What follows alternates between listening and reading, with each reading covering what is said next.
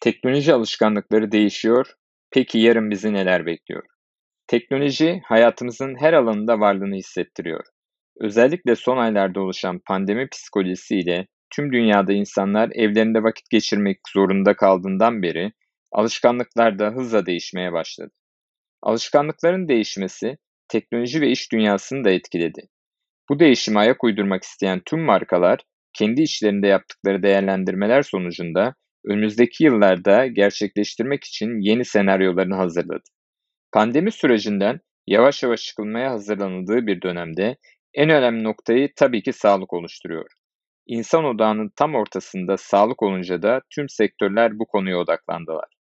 Özellikle bireyselliğin öne çıktığı bir dönem olduğundan toplu taşıma alternatifleri, uzaktan gerçekleştirilen eğitimler ve çalışmalar, sosyal mesafe kuralını en etkin şekilde kullanabilecek olan eğlence çözümleri tüm insanların yakından izlediği bir konumda. Durum böyle olunca kişiselleştirilebilir bireysel ürünler, oyun konsolları, bilgisayarlar, maliyeti düşük ve pratik elektrikli taşıma araçları, video konferans araçları, sanal stüdyolar gibi birçok mevcut veya yeni geliştirilen teknoloji öne çıkar hale geldi.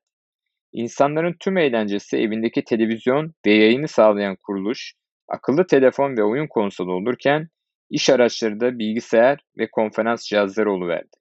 Çok değil, yalnızca 6 ay evvele dönecek olursak adını bile telaffuz etmediğimiz sağlık maskelerinin modellerini bugün birçok kişi ezbere biliyor.